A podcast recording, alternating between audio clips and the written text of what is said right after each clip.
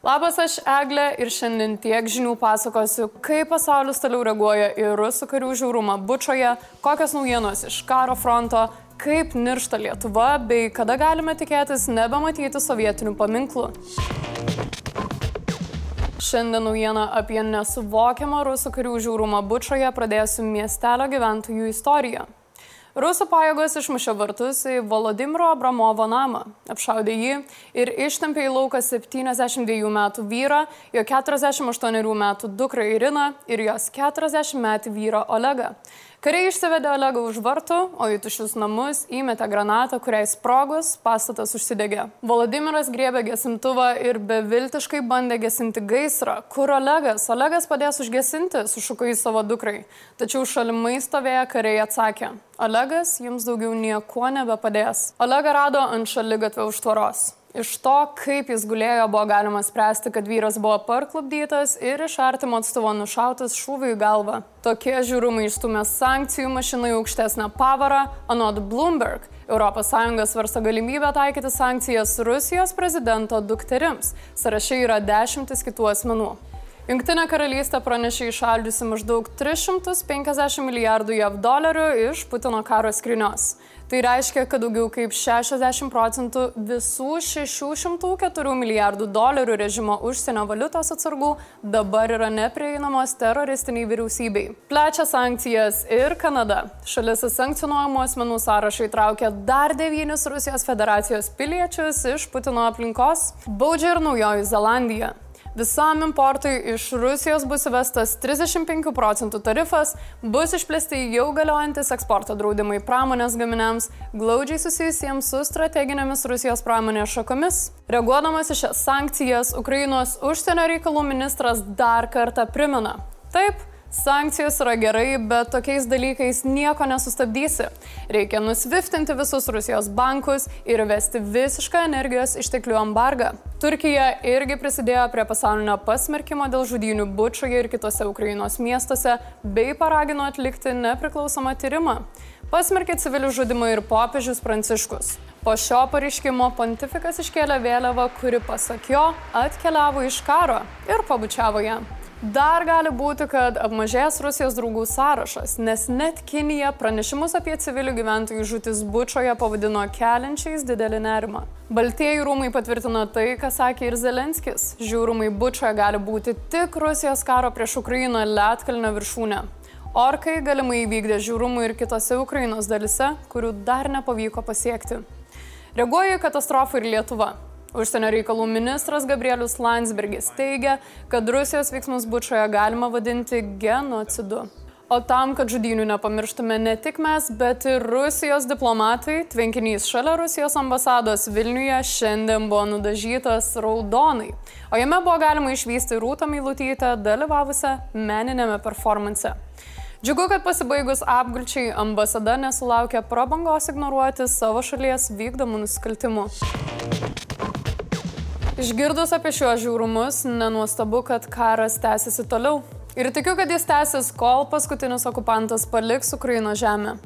Apie tai, kad Kijeve jau daug maž saugu, galima spręsti iš to, kad Turkijos ambasada Ukrainoje oficialiai patvirtino, kad grįžo į sostinę. Taip pat netoli Kijevo prasidėjo Žitomyro greitkelio valymo darbai bei laikinojo tilto per Irpinės upės statybos. Tačiau kitoms Ukrainos dalims vaduotis iš karo sekasi sunkiau.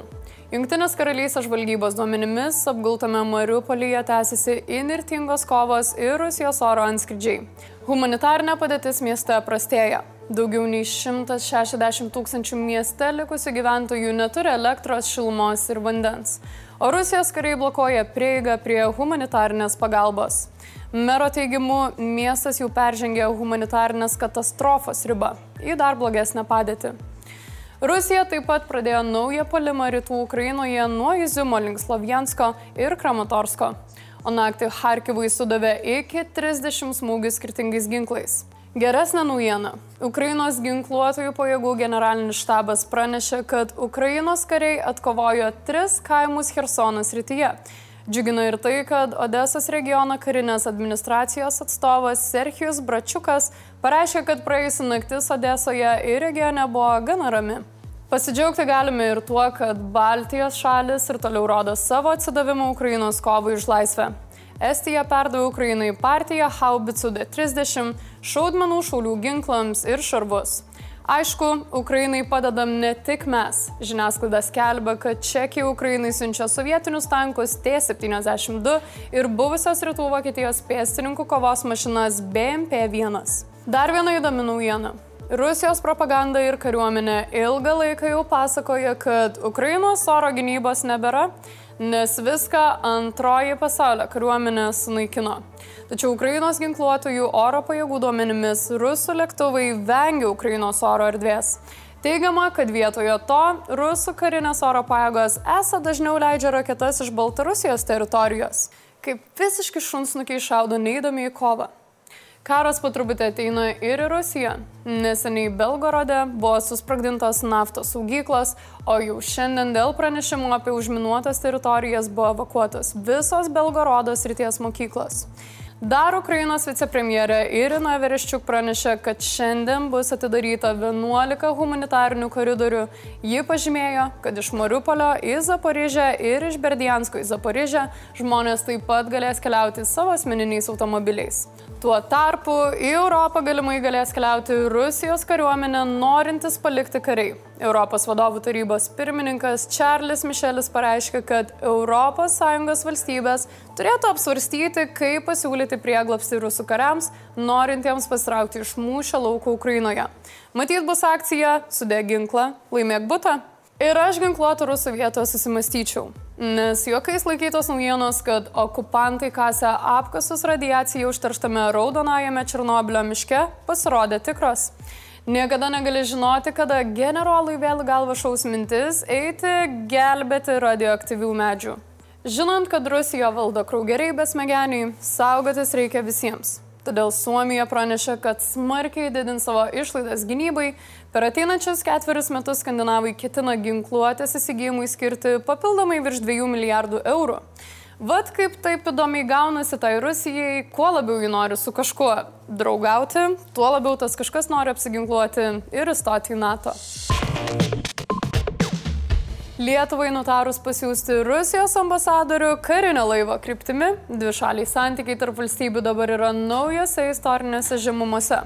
Tai rodo ne tik iš pašalvonintas ambasadorius, ne tik atjungtas dujų kranelis, bet ir drąsus mūsų politikų pareiškimai. Nors mūsų santykiai su agresyve kaimynė niekada nebuvo tobuli, faktas, kad pirmieji Europoje atsikratėme rusų diplomatų, daug pasako.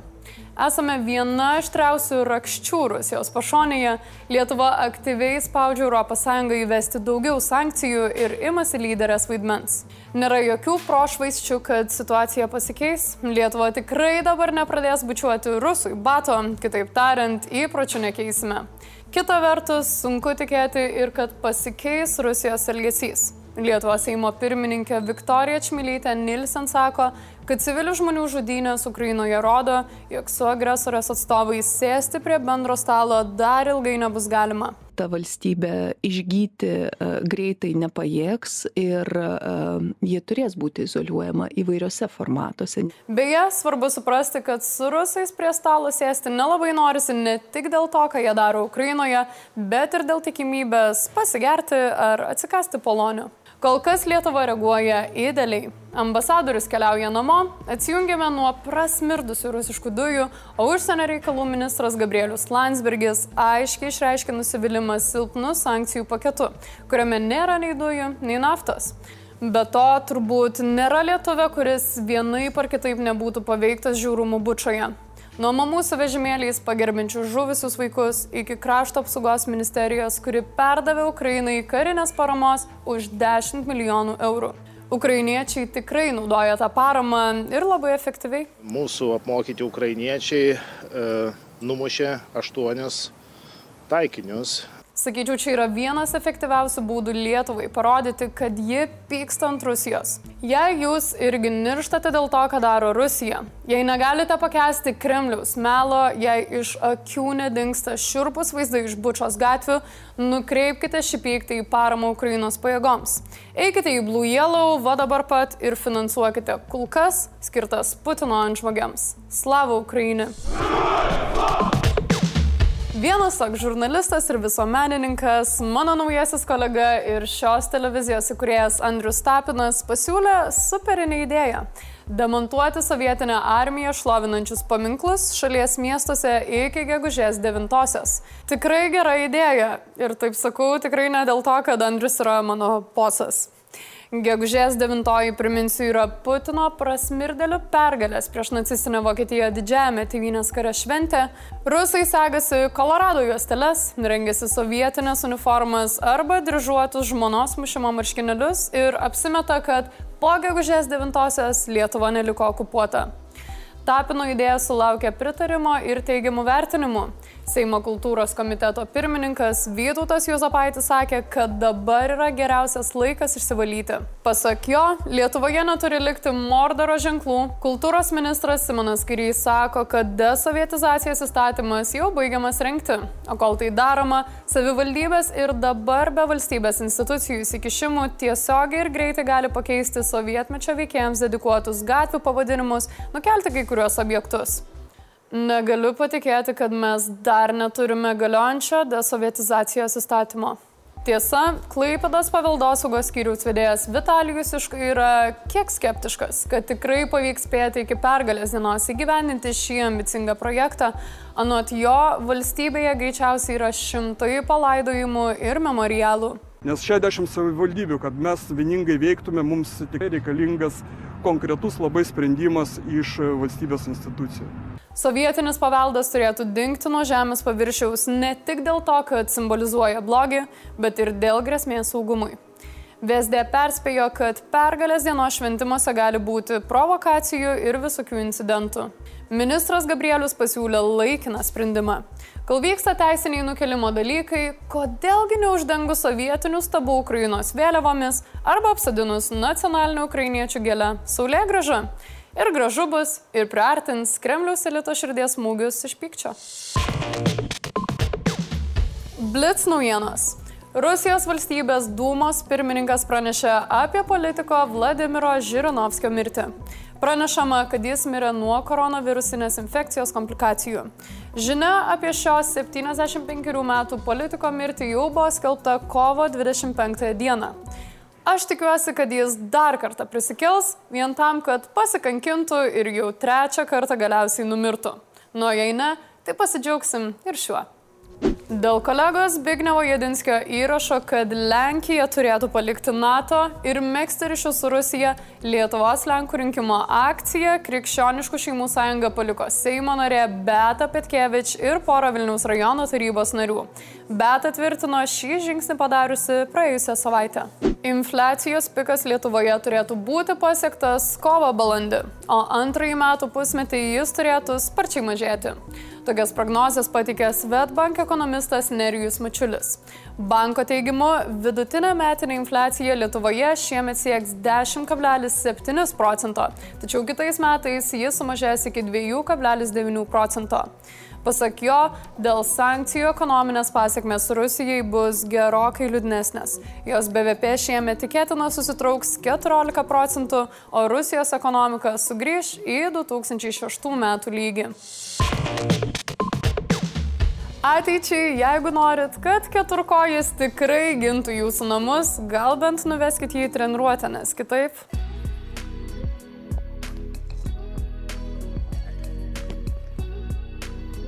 Tai tiek žinių, ačiū ir iki.